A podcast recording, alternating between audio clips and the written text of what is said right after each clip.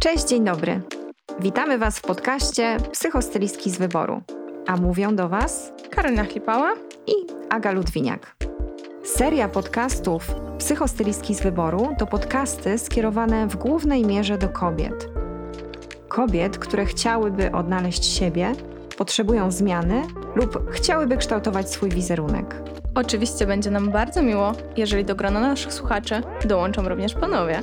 Tematy naszych podcastów będą krążyły wokół mody, rzekomego stylu, psychologii oraz tego, jak niejednokrotnie nasze wewnętrzne rozterki czy problemy ujawniają się w zewnętrznej warstwie naszego życia i wpływają na nasz wizerunek. Zanim zaczniemy, chciałybyśmy Was prosić o ocenę naszego podcastu. Będziemy Wam wdzięczne za każdy głos, uwagę czy pochwałę, bo robimy ten podcast właśnie z myślą o Was i to Wasz feedback jest dla nas najważniejszy. Zapraszamy do nowego odcinka podcastu, w którym przyjrzymy się pojęciu piękna z wielu perspektyw. Mówi się, że piękno jest w oku patrzącego, więc chciałabym na początek tego podcastu zadać Ci kilka pytań na rozgrzewkę, aby zobaczyć, jak Ty postrzegasz pojęcie piękna. Dobrze, rozgrzejmy się zatem. Jesteś gotowa? y chyba tak. Okej, okay, no to lecę. Piękne ciało czy piękny umysł? Piękny umysł. Medycyna estetyczna, tak czy nie? Raczej tak. Hmm, najpiękniejsza postać Disneya?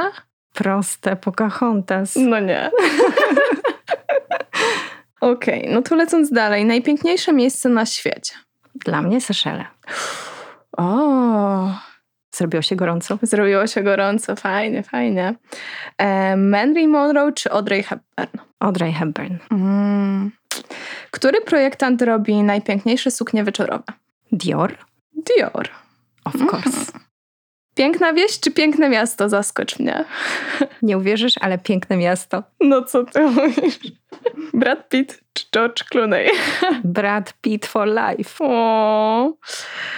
Piękno kojarzy mi się z... Z miłością. Hmm.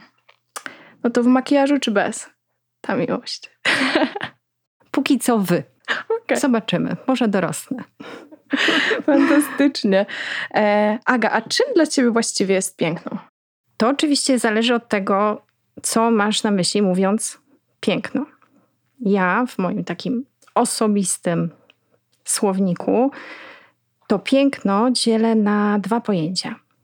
Piękno w znaczeniu emocjonalnym i piękno w znaczeniu estetycznym. I od razu zaznaczę, że y, mimo tego podziału uważam, że te pojęcia w pewnym momencie się łączą. Ale wracając do podziału, to pierwsze, czyli piękno w znaczeniu emocjonalnym, to dla mnie najogólniej mówiąc uroda życia. To są emocje, to miłość, o której już mhm. wspomniałam, ale nie tylko w takim rozumieniu damsko-męskim, tylko miłość do życia, do rodziny, do przyjaciół. To jest coś, co dla mnie w życiu jest najpiękniejsze i najważniejsze i co nadaje mu w ogóle sens. Wiesz, na przykład jak wieczorem e, czytam swojemu synkowi książkę i zanim powiem mu dobranoc, to zawsze jeszcze chwilę leżymy mm-hmm. i mhm. rozmawiamy o ważnych sprawach tego świata, o życiu, o uczuciach. I kiedy patrzę mu wtedy w oczy i kiedy go słucham, to to jest dla mnie piękno w takiej najczystszej postaci. Nie da się tego opisać, myślę, że nie da się nawet tego wytłumaczyć komuś, nie da się tego uchwycić i już na pewno nie da się tego kupić.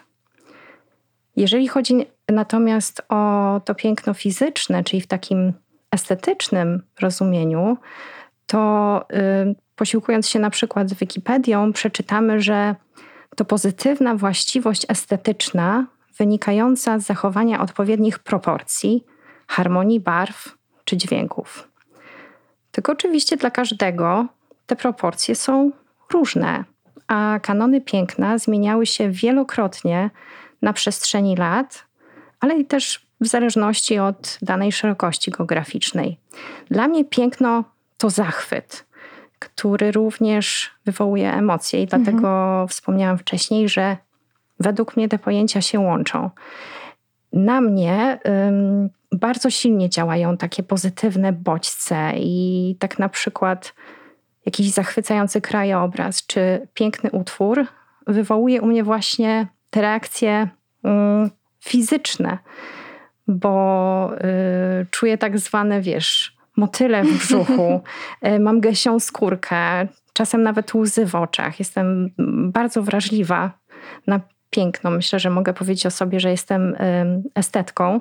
I chociaż oczywiście wszyscy wiemy, i ja również zdaję sobie sprawę z tego, że najważniejsze jest wnętrze, to ciężko mi uwierzyć, że są tacy ludzie, którzy na piękno, w jakimkolwiek tego słowa znaczeniu, nie zwracają uwagi.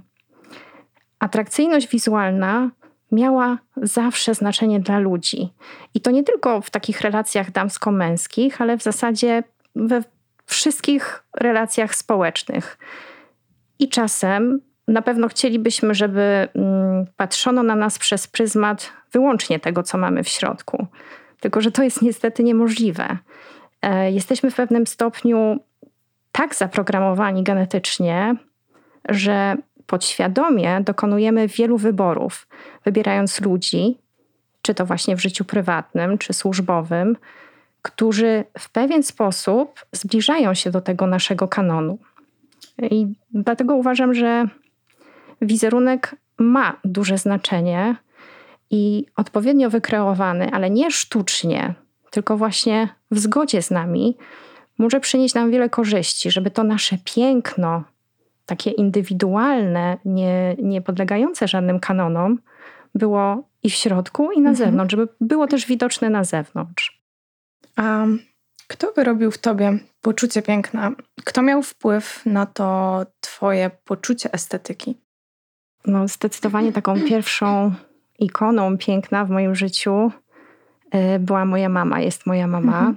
I y, nie wiem, czy się zgodzisz, przepraszam, bo nie uzgodniłyśmy tego wcześniej, ale to właśnie jej chciałabym dzisiejszy odcinek dedykować. Fantastycznie.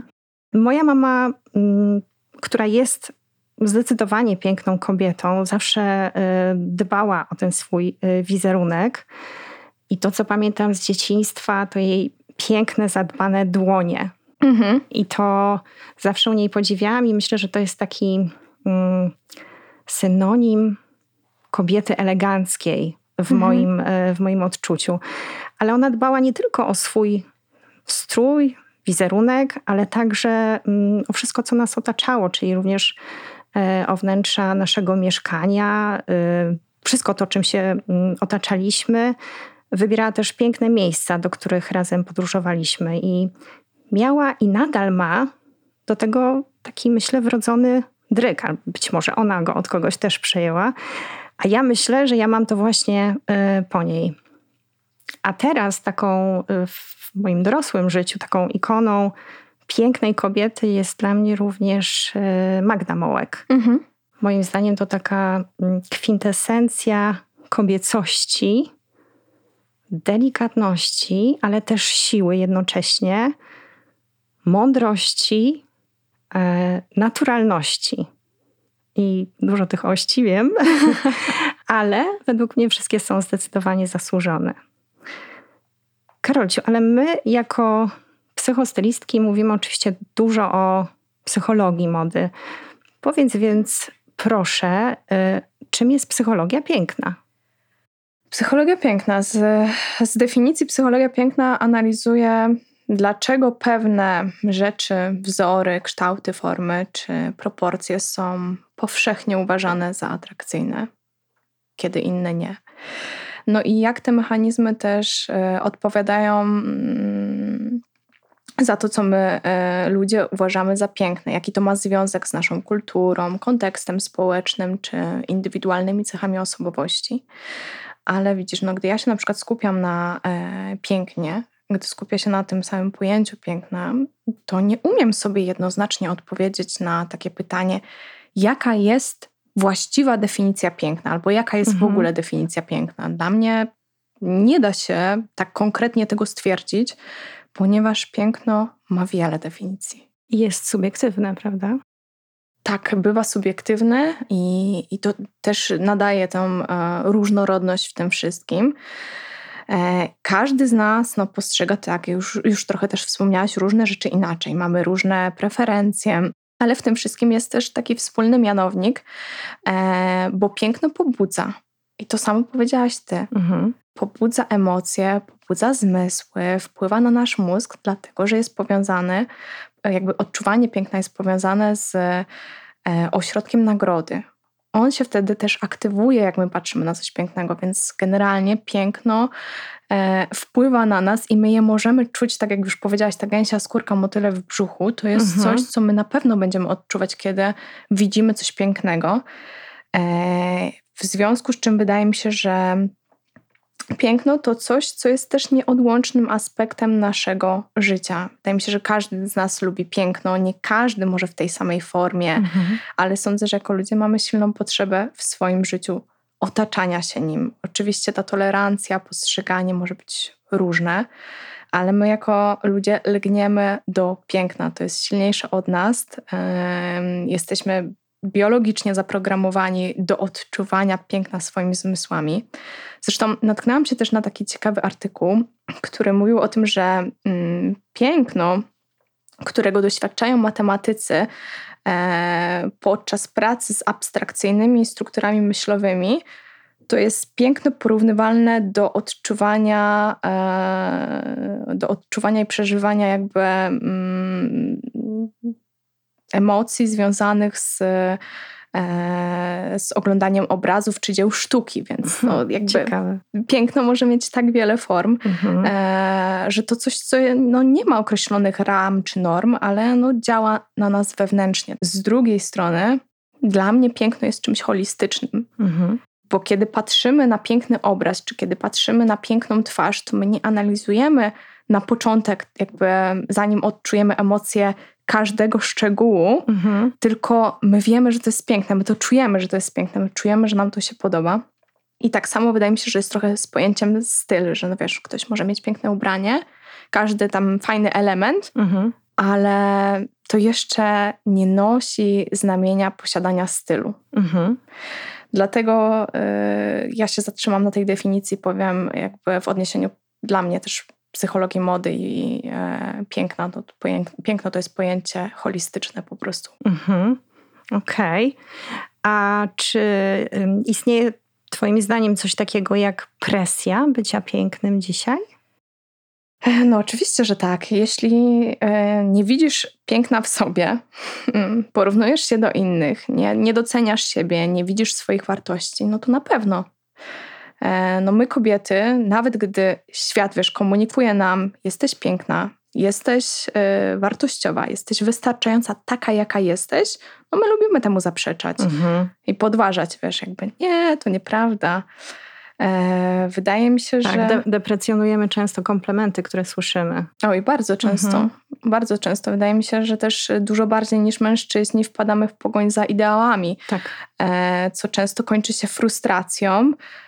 Bardzo często też kojarzymy piękno z czymś fizycznym, więc mimowolnie dążymy do tego, co serwują nam media i reklamy. I no, chociaż same stwierdzamy, że wizerunek, wiesz, promowany przez te media czy reklamy, no nie jest czymś realnym, no to jednak ulegamy presji, staramy się, e, staramy się dopasować do tego wzorca. Jakby nie potrafimy patrzeć na siebie też w lustrze bez takiego krytykowania siebie z łatwością, wiesz, zamiast o tych zaletach, to my mówimy mhm, o tych wadach. wadach. tak. Jakby to krytykowanie siebie, to wpadanie w te wady, no to, to już jakby też dawanie sobie też pożywki mm, do ulegania presji, tak? No bo jeśli ja nie jestem wystarczająca, jeśli ja nie widzę w sobie piękna, no to ja będę dążyć do tego, żeby coś zmienić, coś poprawić, no żeby było inaczej, tak? I tak sobie myślę, że i tak możesz e, wpaść w taką pętlę, w której sama na siebie tą presję nałożysz albo sama mhm. ją przymiesz, bo będzie chodziło ci szczególnie o to, żeby ukryć przed światem to, co nie wydaje ci się być takie. Doskonałe. Tak, takie mhm. jak powinno być, wiesz, takie e, te, według tego wzorca, który jest gdzieś tam promowany. Często też jakby um, wynikiem poczucia bycia pod presją jest wzorzec, który przyjmujemy i który zostaje nam wpojony jako dziewczynki. Mhm. Powiedziałaś o swojej mamie, tak? tak. Powiedziałaś, że ten wzorzec został ci przekazany nie tylko w formie dbania o siebie, ale też dbania o tą zewnętrzną jakby sferę do, otaczającą cię mhm. jako człowieka. Natomiast jeśli, nie wiem, jako dziecko e, widzimy, jak nasza mama krytykuje siebie lub sama poddaje się presji, no to my bardzo często w dorosłym życiu nieświadomie Robimy idziemy tak, z mhm. tym wzorcem. Cały czas podążamy i my nawet, wiesz, po czasie nie weryfikujemy znowu tego, czy mamy jakieś przekonania na temat jakby piękna, czy mamy jakieś poczucie, że coś tu nie gra, bo nie wiem, świat zewnętrzny mi mówi, że jest ok ze mną, a ja wciąż na przykład czuję, że muszę coś zmienić w sobie. E, I to nie tylko wiesz w aspekcie wyglądu, ale też wewnętrznym, bo czasem jest to też e, skierowane tam. Także mm, dla mnie oczywiście presja e, piękna, bycia piękną istnieje wtedy, kiedy jej się poddasz. I tak sobie myślę, że to, co chciałabym powiedzieć e, każdej kobiecie, która obecnie zmaga się z takim poczuciem bycia pod presją, to kochana, odpuść. Mhm. Odpuść. To jest takie um, podobne trochę do tego, co mówiłaś um, bodajże o trendach, mhm. że um, ta presja tak jak te trendy, one lecą do nas i można sobie ją wyobrazić jak jako taką kulę, którą można złapać, zatrzymać, przyjrzeć się jej, zadać sobie kilka pytań. Czy ja rzeczywiście muszę ją wziąć na siebie, czy mogę zrobić unik?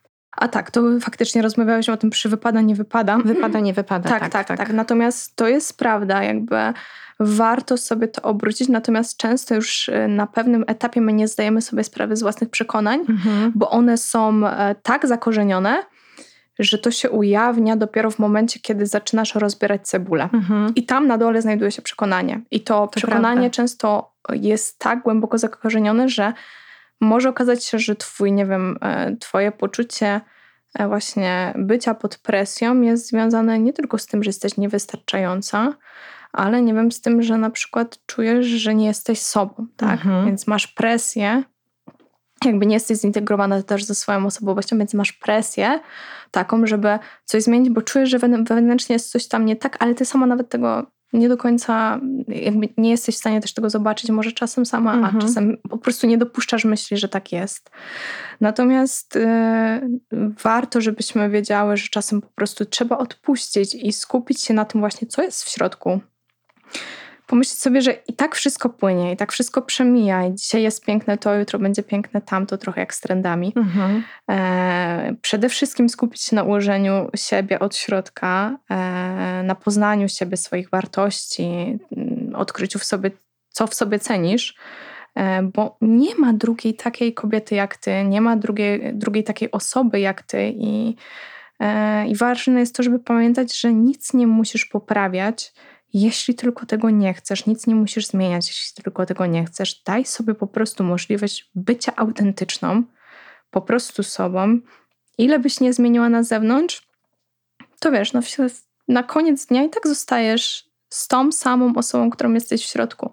Więc yy, tak naprawdę może się okazać, że yy, możesz wyjść z nowym ciałem, Możesz wyjść z nową bluzką, ale w środku dalej jesteś tą kruchą pięciolatką, która się zagubiła. Mhm. I ważne jest to, żebyś zadbała o tą dziewczynkę, która mieszka w tobie, bo jak o nią zadbasz, to też będziesz wiedziała, co z tym dalej zrobić, jak się ułożyć w tym pojęciu piękna, jak się ułożyć w tej presji.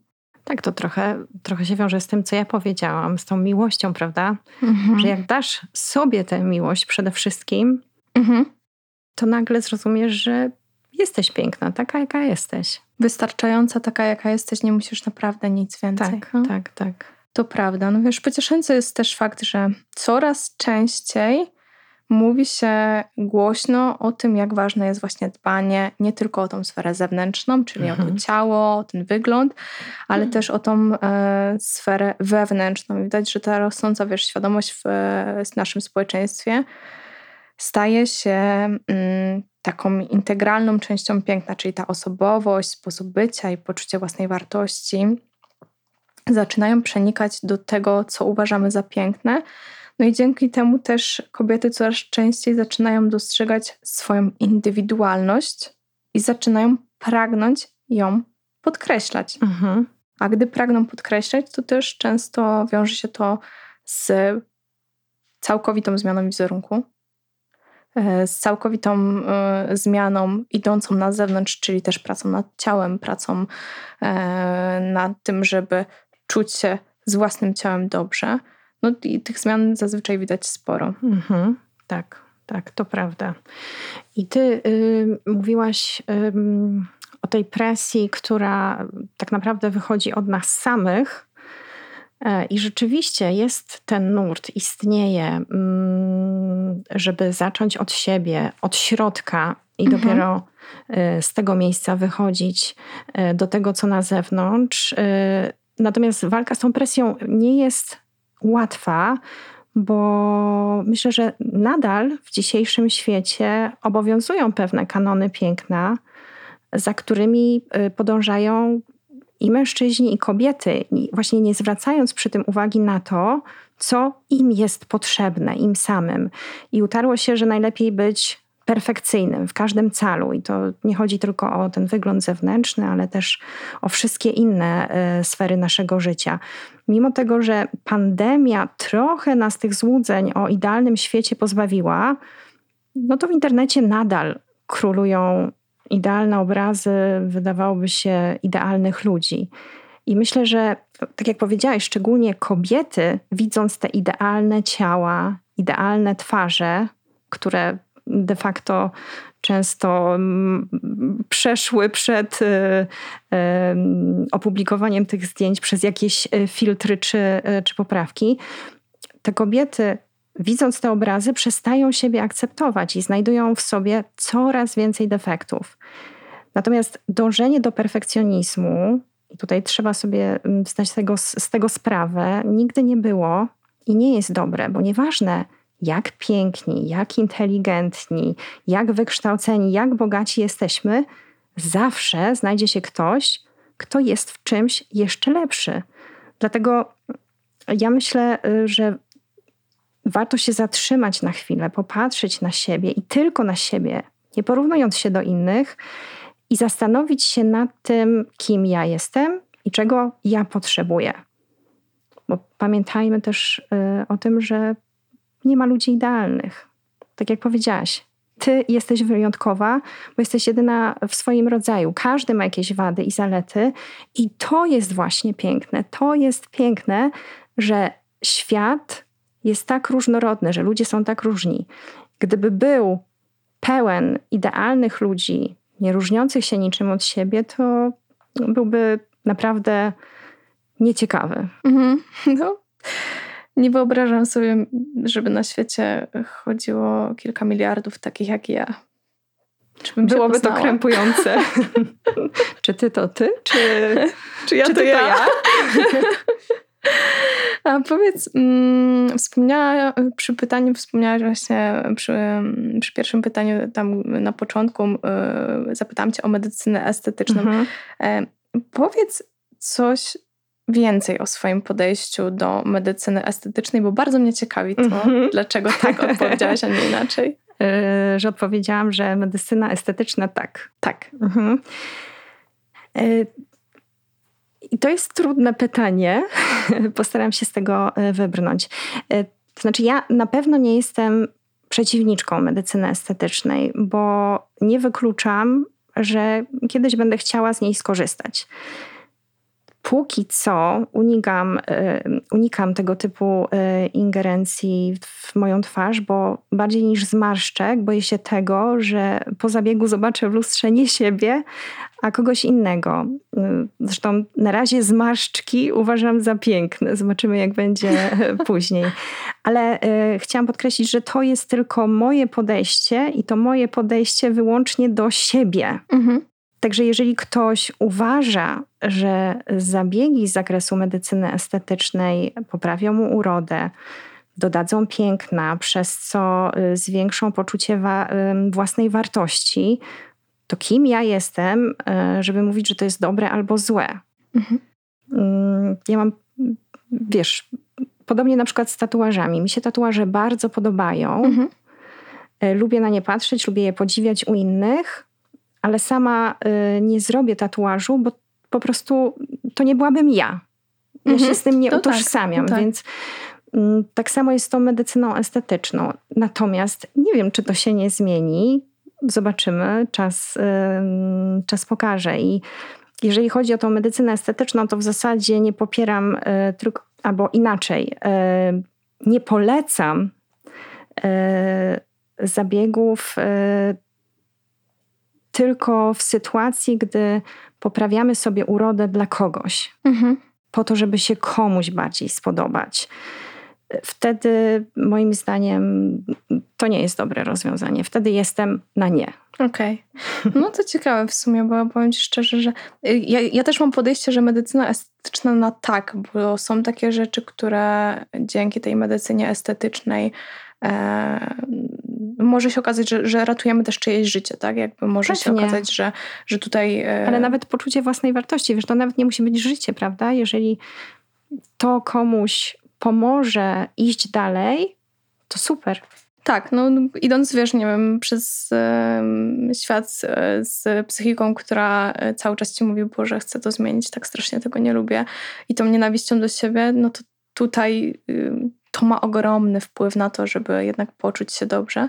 Z drugiej strony myślę sobie, że jeżeli trafiasz ty jako człowiek z dobrze ugruntowanym poczuciem, dlaczego chcesz to zrobić, i ty Mhm. wiesz, że to nie jest właśnie wynik, tak jak powiedziałeś, przymuszenia przez świat zewnętrzny, bo ja się po prostu chcę komuś albo do czegoś dopasować, bo uważam, że tak będzie dobrze, a z takim poczuciem, że chcę to zrobić dla siebie, bo uważam, że wtedy moje postrzeganie też mnie się zmieni na bardziej pozytywny Mhm. stosunek i nie jest to e, rzecz e, taka, którą, którą traktuję jako coś, a no będzie to będzie, nie będzie to trudno, tylko jest to dla mnie naprawdę istotne, to uważam, że jasne, że dlaczego nie. Z drugiej strony, wiesz, myślę sobie, że ważne jest też, kogo wybierasz do robienia tych zabiegów. I tu już mówiąc, czy, czy robisz, nie wiem, zwykłe usta, e, które robi teraz masa dziewczyn, gdzie to jest mega popularne, to ważne jest to, żeby wybierać specjalistów, którzy w pewnym momencie, kiedy będzie za dużo, powiedzą ci też stop. Mhm, oczywiście. E, Bo widzę tendencję do tego, że jest grono osób, które po prostu na tym zarabia Mhm. i nie patrzy na to, że ta dziewczyna już wygląda, że tam się już nie zmieści więcej, Mhm. że, że to trzeba, że coś trzeba z tym zrobić. Ale tak samo jest, zobacz, e, myślę, że w wielu dziedzinach, nawet e, w naszej, że powiedziałeś, że już więcej się nie zmieści, że też stylistka, wydaje mi się, dobra stylistka powie ci w odpowiednim momencie stop, Tak. prawda? Że już nie, że już więcej nie kupujemy, to wystarczy, masz Dokładnie. wszystko, czego potrzebujesz. I y, jeżeli chcesz więcej, to znaczy, że musimy się zatrzymać i zastanowić się, dlaczego. Dokładnie, dokładnie. No, te, też tak uważam, że jakby, że to jest clue bycia też profesjonalistą w Tak. swoim fachu, żeby czasem człowiekowi odmówić, bo coś Mhm. już tutaj jest nie tak, to idzie po prostu za W złą daleko. stronę, tak. tak. idzie w złą stronę. I e, pozwolę sobie przytoczyć anegdotkę z mojego życia właśnie na temat medycyny estetycznej. Dawaj. Bo dzisiaj jak myślałam o naszym podcaście, to właśnie też, też gdzieś tam mi przyszło do głowy. E, Miałam kiedyś taką sytuację, że byłam w gabinecie też właśnie mm, e, pana chirurga Mhm. e, w zu- zupełnie innej sprawie, bo nie chodziło mi o poprawianie wyglądu, tylko konkretnie o moje zdrowie. Mhm. W pewnym momencie pan podczas konsultacji mówi, niech pani sobie tutaj stanie na podejście, obróci się w lewo, w prawo, on sobie tak ogląda i mówi, pani Karolino, ja mam dla pani świetny zabieg, my tu możemy tu podnieść, tu pomniejszyć, tam powiększyć. Tu wydatnić, tam schować. Słuchaj, moja Jak mina, nowa byś wyszła. moja mina była po prostu chyba bezcenna. Ja tak się na niego patrzę. Kurczę, myślę sobie, Boże, hej, ja mam dwadzieścia kilka lat, Mhm. a ten facet przede mną proponuje mi e, totalną zmianę mojego ciała, wiesz, e, tak sobie pomyślałam, kurczę, ale ja lubię swoje ciało, ja nie wiem o co mu chodzi, ale mm, to też jest ciekawe, że czasem jesteśmy namawiani pod Tak. wpływem e, kogoś, podejmujemy też decyzję do tego, żeby wykonać jakąś jakąś zmianę. Już nie mówię o tym, że sam zabieg kosztowałby mnie kilkadziesiąt tysięcy, gdzie w wieku dwudziestu paru lat mogę to samo osiągnąć, jeśli bym oczywiście chciała. Mhm. E, Chociaż nie mam takiego ale do swojego ciała jak ten pan. jak ten pan miał. Natomiast, yy, natomiast no to, to było dość ciekawe doświadczenie, bo wychodząc pomyślałam sobie, kurczę, czasem ty nawet nie chcesz zmienić nic w sobie, bo lubisz swoje ciało, a ktoś ci powie, hej, kanony są takie, dopasuj mhm. się, e, ja ci mogę to zrobić, ja już mogę cię pociąć tutaj, tam, tu ci podnieść, tam cię obniżyć. Nie Dokładnie. No właśnie, wspomniałaś o tych kanonach. Czy myślisz, że kanony piękna w ogóle jeszcze istnieją w dzisiejszym świecie? Z perspektywy czasu, wiesz, no łatwiej jest nam mówić o tym, co już było, minęło, jest e, za nami, więc wiesz, no, jak sobie spojrzymy wstecz, no to powiesz, że e, w starożytności panował kult muskulatury, pięknego ciała, tych proporcji, czy nie wiem, w średniowieczu kobieta idealna, kobieta w kanonie piękna, to taka, wiesz, szczuplutka, mhm. e, z białą twarzą, e, taka, która e, ma wysoko upięte włosy, zgolone brwi, no dopasowana do tej architektury, która w mhm. tamtym czasie e, była. Natomiast e, dziś, chociaż doświadczamy dużo większej różnorodności, elastyczności, inkluzywności, no to te przysłowiowe kanony piękna jeszcze całkowicie się nie rozmyły. Mhm. I oczywiście nabierają takiego zróżni zróżnicowanego charakteru e, bardziej niż w przeszłości, no to, to wcale nie oznacza, że ich w ogóle nie ma, bo nadal możemy obserwować e, pewne dominujące wzorce piękna w mediach, reklamach, mhm. w branżach mody, e, no co bez, bez, jakby dla mnie bez wątpienia wpływa na nas i taką naszą samoocenę. Dobre jest to, że dzięki mediom społecznościowym, dzięki social mediom, my mamy możliwość dotarcia do jakby szerszego obrazu różnorodności, mhm. w którym te standardy naprawdę zaczynają się zacierać. E, te kanony piękna przestają istnieć, mhm. bo w zależności od e, grupy społecznej, kultury czy tam regionu, one no, zmieniają jakby też swoją e, zmieniam, zmieniam też swój obraz mhm. i widzę, że teraz ludzie też częściej właśnie poszukują tego bycia takim mm, autentycznym, chciałabym powiedzieć, ale może to nie jest dobre słowo, bardziej do promowania takich swoich indywidualnych cech. Mhm. Chcą być sobą po prostu. Tak, są sobą i w postrzeganiu tego piękna jako piękne jest bycie właśnie sobą, e, aniżeli takiego ślepego, wiesz, podążania za wzorcem, nie? Mm -hmm. No, ale jak sobie o tym myślę, to jestem ciekawa yy, tak w sumie jakby, wiesz, jakby to wyglądało, gdybyśmy się całkowicie wyzbyli tych kanonów piękna, gdyby ta różnorodność panowała wszędzie, wiesz, jakby mm -hmm. to jest dla mnie mega interesujące. Znaczy, myślę, że kanonów piękna nie jesteśmy w stanie do końca się nigdy pozbyć, bo zawsze jest jakiś nurt wiodący, nawet kilka jest tych nurtów. No, Tylko, tak, z trendami y, trochę, nie? Tak, tak jak z trendami. Tylko dzisiaj y, mając większą świadomość i mając y, dostęp do wszystkich tych nurtów, możemy wybrać ten, który właśnie będzie w zgodzie mhm. z nami, prawda? Więc te kanony piękna istnieją, bo ja myślę, że w ogóle świat, ludzie, wszyscy potrzebujemy piękna, tylko jest to już takie piękno w szerszym rozumieniu tego mhm. słowa. Um, odpowiedziałaś na dziesiąte pytanie, że w makijażu. Mhm. Ale dlaczego w ogóle w makijażu? Jak sobie teraz tak myślę, wiesz, rozmawiamy o takim wnętrzu, o tym wszystkim, takiej autentyczności tych cech. Tak, a ja w makijażu. A ty w makijażu. w masce.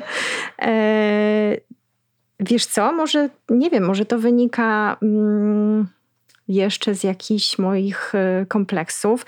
Ja bardzo lubię taką piękną, jednolitą skórę. Moja cera jest y, dosyć problematyczna, a lubię efekt takiej skóry jednolitej, głaciutkiej w swoim kolorycie, z takimi już naturalnie zaróżowionymi policzkami. I ponieważ ja takiej nie posiadam, i chociaż mój codzienny makijaż jest bardzo delikatny, bo też mhm. niestety do tej pory nie nauczyłam się e, sztuki makijażu. Także mój make-up sprowadza się głównie do nałożenia jakiejś tam cienkiej warstwy podkładu i zarysowania e, kości policzkowych pudrem. to nie jestem jeszcze aż tak pewna siebie, żeby wychodzić do ludzi w takiej wersji, wiesz, sote. Sote. Znaczy nie? oczywiście, no jak idę na plażę, na basen, to, yy, to nie nakładam tapety, mhm. ale, ale mam gdzieś z tym problem. Myślę, że jest to jakiś mały kompleks. Ja to totalnie akceptuję, taka jestem, natomiast lubię taką delikatną osłonkę ym, mieć. Ale to też chyba ym, wynika z tego, że ja w ogóle lubię makijaże. Uważam, że mhm. dobry y, make-up, podobnie zresztą jak dobra stylizacja, potrafi y, wyeksponować nasze atuty. Na przykład, nie wiem, wybić piękny kolor oczu. Ym, tu chodzi y, moim zdaniem o umiar. Mhm. To znaczy, tak jak właśnie z kreowaniem wizerunku. Ubieramy a nie przebieramy. I tym make-upem możemy podkreślić swoją urodę, ale nie chodzi o to, żeby sobie narysować e, nową, e, nową twarz. A to ciekawe, bo wiesz, umiar to też jest pojęcie subiektywne. To prawda, to prawda. Ja tutaj mówię tylko jakby, ponieważ zapytałaś o moje odpowiedzi, więc ja, ja oczywiście mówię tylko w swoim, w swoim imieniu i odpowiadam, dlaczego mhm. wybrałam tę opcję z makijażem. A czy myślisz, bo teraz powiedziałam zabiegom medycyny estetycznej nie, preferuję make-up, no make-up, mhm. Ale czy myślisz, że na przykład jak się spotkamy za dwa lata, mhm. to ja będę, wiesz, tu naciągnięta, jak ten pan powiedział, tu będę miała więcej, tu będę miała mniej, wiesz, Czekam. do śniadania smoky eyes. Myślisz, że z czasem y, to się może zmienić? Czyli Myślisz, że ta nasza definicja piękna może mhm. się zmieniać z czasem, z biegiem czasu? Jasne, że tak. E, nie sądzę, byś miała taką samą definicję piękna, jak e, będąc pięciolatką, tak? którą mm. już tam gdzieś przytoczyłam, więc już zostajmy już, z tą pięciolatką przez cały ten podcast. Już myślałam, że będziesz wyciągać na światło dzienne te moje zdjęcia sprzed 10 lat, które ci pokazywałam. Mogłam sobie porobić te screeny. No ale wiesz, no, no, naprawdę nie sądzę, no, żebyś miała taką samą definicję piękna, jakby, jak będąc pięciolatką, albo no, reagowała w ten sam sposób um, co kilka lat temu, czy kilkanaście lat temu, na rzeczy, które wtedy uważałaś za piękne. Mhm. E, no, bo wiesz, pięciolatka to jest jednak wiek dziecięcy, nie? No. Ale już nawet tak dwadzieścia parę, no. trzydzieści parę, to przynajmniej u mnie to był ogromny, ogromny. przeskok. Mhm. Ogromna zmiana. Tak, no po, po, pojęcie piękna zmienia się i e, ewoluuje tak samo jak my. Tak samo e, zmienia, zmieniają się nasze potrzeby, tak samo kształtują się nasze doświadczenia, nasze otoczenie, kultura, społeczeństwo, media społecznościowe, nawet trendy. No jak wiesz, mhm. jak to wszystko się zmienia, to, to, to też ma na nas wpływ. Tak. E, więc e, te zachodzące zmiany, które na nas wpływają, no wpływają też na postrzeganie tego piękna. No i my się zmieniamy. Zmieniają tak. się nasze role życiowe, nasze Oczywiście. prace, nasze układy, nie wiem, partnerskie, rodzicielskie. Dokładnie, dlatego percepcja i postrzeganie piękna może być też na przykład zupełnie inne, gdy je pobudzamy częściej. Wiesz, może kształtować się na nowo e, poprzez taką regularną stymulację, a to też może prowadzić do zmiany naszej wewnętrznej definicji piękna. Z drugiej strony, e, stymulowanie różnych aspektów estetycznych może wpływać na, e, na to, że my sami podejmujemy decyzję, dobra, to już mi się nie podoba, tak?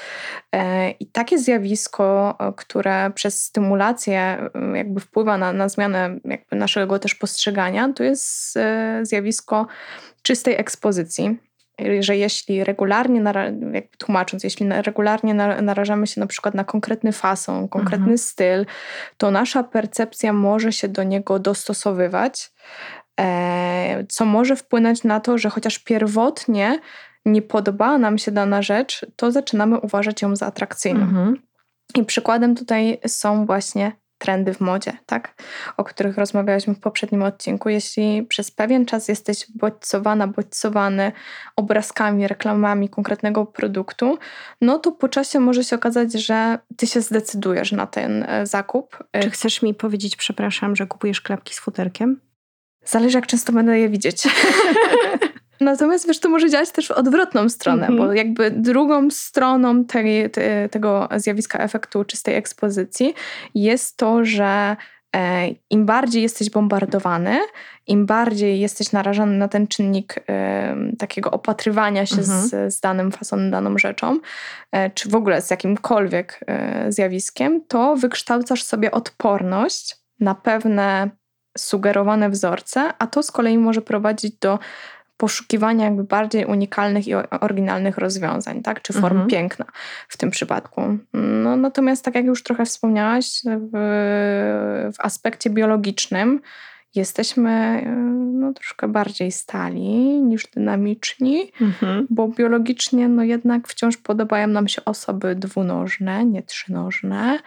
E, Szanujemy dwie pary oczu, nie trzy, więc no tu już nie jest tak bardzo Różnorodnie, zmiennie. różnorodnie i Mhm. zmiennie.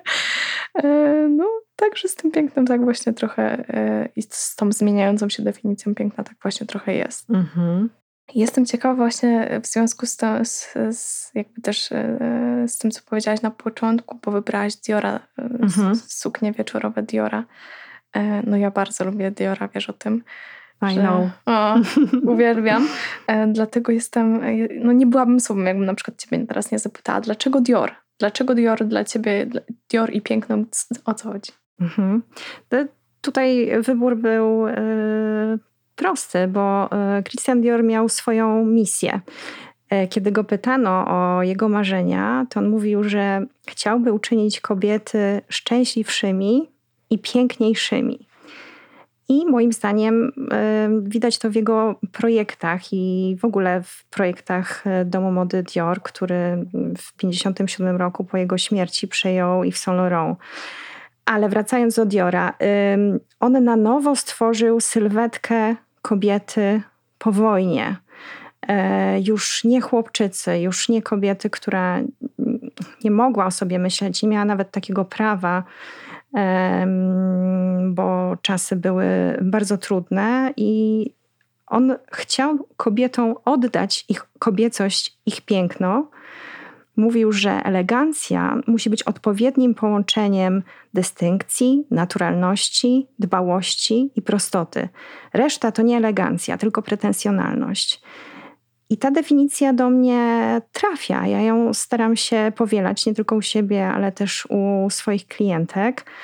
Mm, On był tak fantastycznym projektantem, że potrafił jedną warstwę materiału upiąć w tak finezyjny sposób, by przypominała olśniewającą i wyrafinowaną kreację. Mm, Jego inspiracją często była natura, czyli znowu piękno. E, Kochał naturę, kochał kwiaty, którymi się też inspirował, i to widać w wielu projektach. I nie wiem, czy kojarzysz suknię Natalii Portman z e, tegorocznego festiwalu w Cannes, właśnie projektu, domy, e, projektu dom, Domu Mody Mhm. Dior. Em, To była dla mnie absolutnie najpiękniejsza suknia tego festiwalu. Była to dokładna replika sukni zaprojektowanej właśnie przez Christiana Diora w 1949 roku. E, I to było istne dzieło sztuki. Taka gorsetowa, gładka góra w kolorze kości słoniowej, która y, była tak prosta, że pozwalała całą uwagę skupić na obłędnym dole sukni, który się składał z wielu warstw takiego jedwabnego tiulu, gdzie każda z tych warstw była zdobiona na dole, troszkę mm, przypominając rybie łuski, aczkolwiek inspiracją chyba były dla niego y, pióra pawie. W każdym razie wszystkie te warstwy spadające kaskadowo w dół przypominały taki kielich rozwijającego się kwiatu. No to było coś pięknego. To jest taka, znowu powiem to słowo, kwintesencja piękna w tym sensie estetycznym. Mhm. I skoro mówimy o tym pięknie to i o modzie, to powiedz proszę, jak Twoim zdaniem moda wpływa na pojęcie piękna? Czy je kształtuje? Moda jak wpływa na pojęcie piękna i na to, czy, czy jakby czy kształtuje.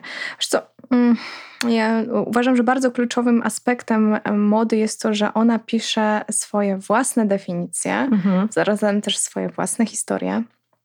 E, Moda też no, niejako interpretuje otaczający nas świat po swojemu, więc wiesz, potrafi podważać, wspierać, zaprzeczać lub kierować uwagę tam, gdzie projektanci, kreatorzy, a nawet czasem my sami chcemy coś ważnego przekazać. Mhm. E, w odniesieniu nie tylko do aspektów społecznych, środowiskowych, kulturowych, ale też do zmieniających się naszych potrzeb, nastrojów, pojawiających się problemów. Więc no, czy moda wpływa na pojęcie piękna? No myślę, że e, potrafi nie tylko wpływać, ale całkowicie je redefiniować. Potrafi burzyć i budować na nowo czasem też przecząc temu, co już wytworzyła. Tak. E, no jeśli cofniemy się, to są takie pokazy, które to pojęcie z roku na rok wywracały do góry nogami i tak jest też do dziś, ale e, takie pokazy, które mam ja na przykład w głowie, myśląc o wywrotkach e, tego pojęcia piękna, to jest na przykład pokaz Martina Margieli, Jesień, zima, bodajże rok 1995. Pokaz, w którym modelki na wybiegach miały zakryte twarzy i to chyba były chusty, coś takiego. W każdym razie mhm. nie było w ogóle widać ich, ich twarzy, twarzy, ani trochę. I tym samym Margiela jakby pozbawił modelkę tożsamości, mhm. dając e, taką pełną anonimowość. No, dla mnie to jest wyraz piękna, które nie ma twarzy. Mhm. E, nie jest jednoznaczne. E, no i oczywiście jest tajemnicze.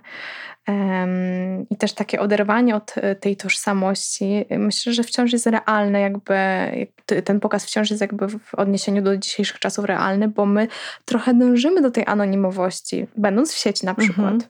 E, dobra, dążymy też do rozpoznawalności, ale też czujemy możliwość bycia anonimowym, jeśli tylko tego chcemy.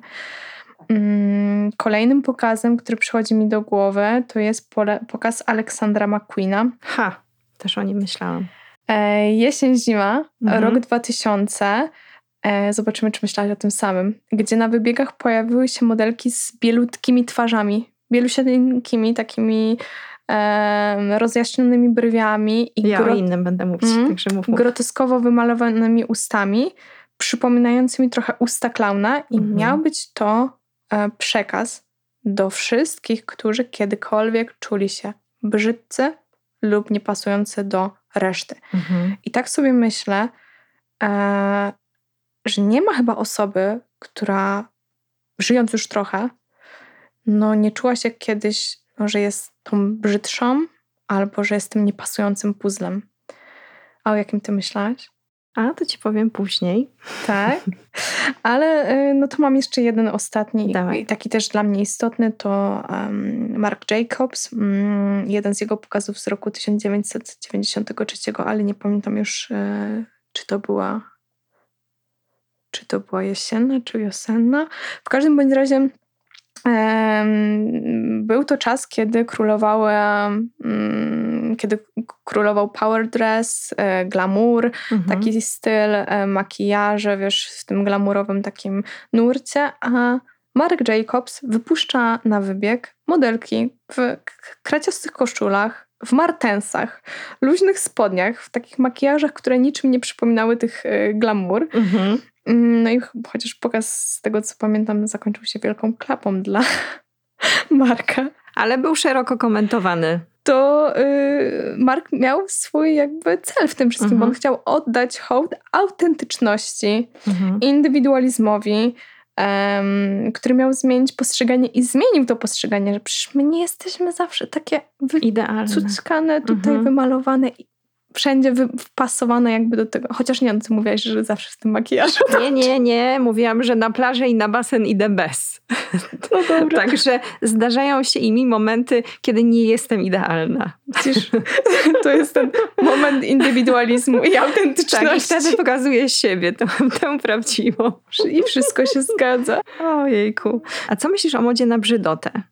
Czy to zwracanie na siebie uwagi, czy może piękno dostrzegane przez nielicznych, być może takich, którzy mają e, bardziej wyrafinowany gust?